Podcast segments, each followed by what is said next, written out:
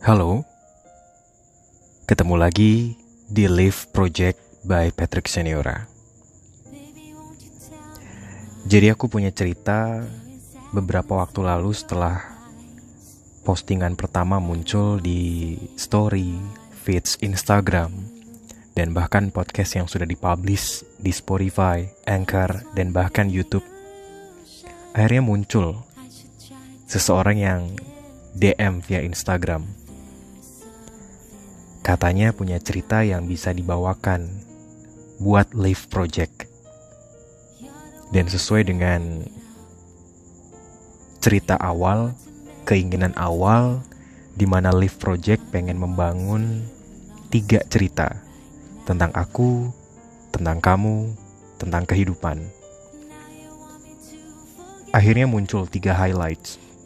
Live of mine, live of you, dan live of life. Dan akhirnya dari cerita yang aku dapatkan dari seseorang ini, akhirnya masuk ke sub live of you. Seseorang ini cuma berpesan saat aku nanya nanti kalau ceritanya dipublish mau dimention atas nama siapa. Dia cuma bilang pakai aja nama catatan pendosa. Nah, kayak gimana sih ceritanya? Cerita yang dikirim oleh catatan pendosa. Ini dia ceritanya.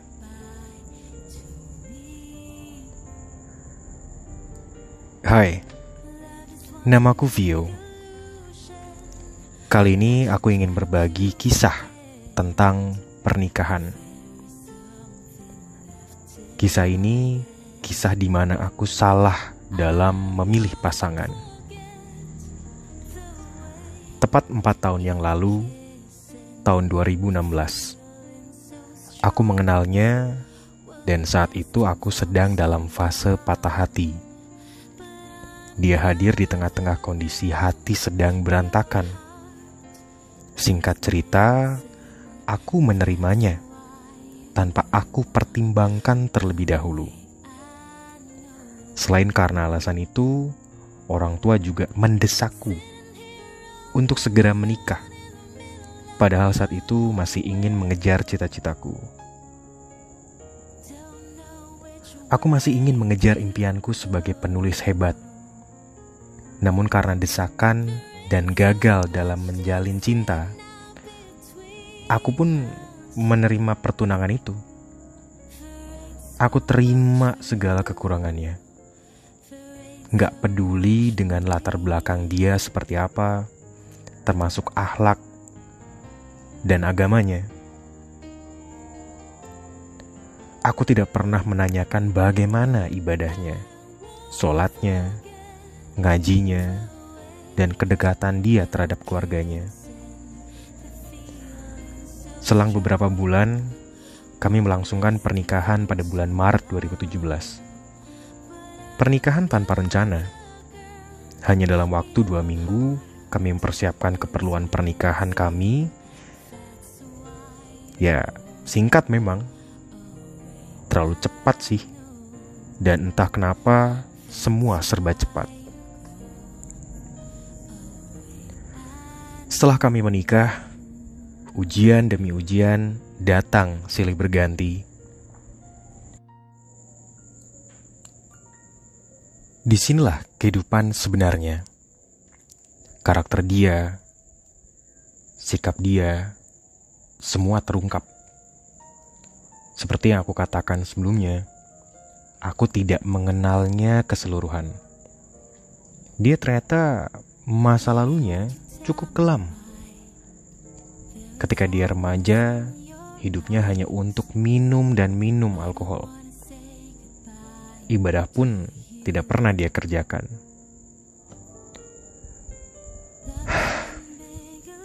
Sungguh, hatiku pilu saat aku tahu kenyataan ini. Ada rasa sesal menghantui Terlebih lagi ketika aku diberi momongan. Dalam masa-masa kehamilan pertama, kenyataan tidak seperti yang aku bayangkan. Berita kehamilanku tidak diterima dengan baik oleh suamiku. Saat itu, kondisi dia sedang menganggur. Sikap dia yang kadang temperamental, sering berkata kasar ketika dimintai bantuan, lebih dari itu kasar.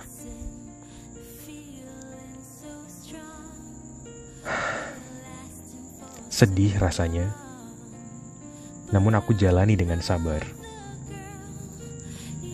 Dalam aktivitas, aku jalani sendiri. Berobat, bepergian, ataupun sekedar membeli makanan kesukaan. Dan sampailah pada masa kelahiran. Saat prosesi kelahiran pun, aku tidak didampinginya karena saat itu dia sedang bekerja di luar kota. Aku pun menjalani keadaan ini apa adanya. Nggak apa-apa kalau harus berjuang sendiri.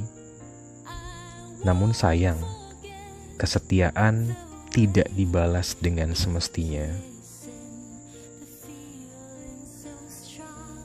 Dia ternyata masih kegenitan dengan cewek lain. Aktivitas di media sosial menggoda wanita lain, membuatku marah dan juga cemburu.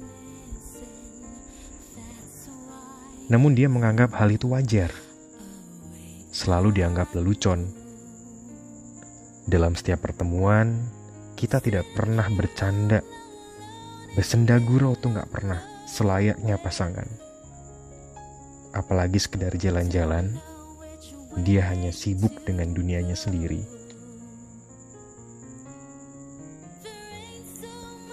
Bahkan dalam keadaan memilukan sekalipun, aku harus kuat sendirian. Ketika aku kehilangan ayahku, dan selang beberapa bulan anakku sakit. Dia menderita TB paru. Hatiku hancur. Hancur seketika. Apalagi saat itu ternyata dia sudah lama sakit. Gak habis pikir, kenapa bisa begini? Aku marah, aku sakit, aku hancur. Suamiku yang tidak pernah percaya dengan firasatku, dia yang selalu mengabaikan, aku yang harus berjuang sendiri. Semua serba sendiri.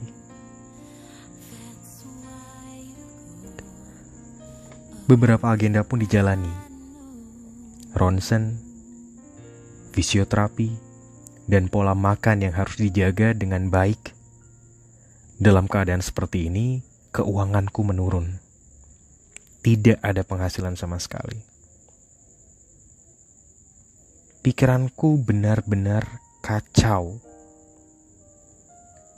Yang membuatku menjalani hal terbodoh, kondisi ini pun semakin hancur, tidak ada yang mengerti dengan deritaku. Mereka yang hadir hanya memikirkan diri mereka sendiri. Dan aku pun tersadar aku mulai menerima takdir yang ada. Aku nggak lagi memaksa orang lain untuk memahami keadaanku, mengikuti mauku, atau sekedar mendengarkanku.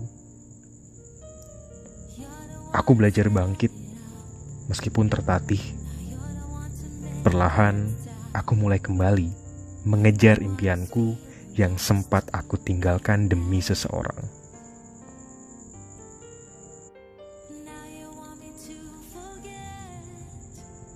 Pelan-pelan, aku mulai dekat dengan Allah. Mungkin dengan cara ini Allah sedang merinduku. Allah ingin aku mengingatnya. Dan tentang keutuhan rumah tanggaku, aku tidak tahu. Aku serahkan semuanya pada Allah. Jika masih diizinkan bersama, semoga Allah membukakan hidayah untuknya, membuat hatinya lebih peka, dan semoga saja dia bisa berubah menjadi lebih baik. Namun, jika tidak, semoga Allah mempertemukan aku dengan orang yang mau menghargai caraku mencintainya dengan cintanya membuatku semakin mencintai diriku sendiri dan menjadi versi terbaikku sendiri. Dan dengannya aku semakin dekat dengan Allah. Amin ya robbal alamin.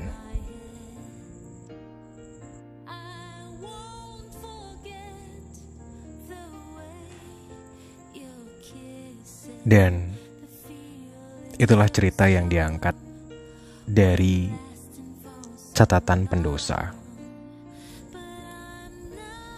Semoga kita bisa mendapatkan pelajarannya dan pemahaman bahwa hal-hal besar dalam kehidupan kita, seperti pernikahan, butuh pertimbangan lebih saat memutuskan bagaimana kita ke depannya.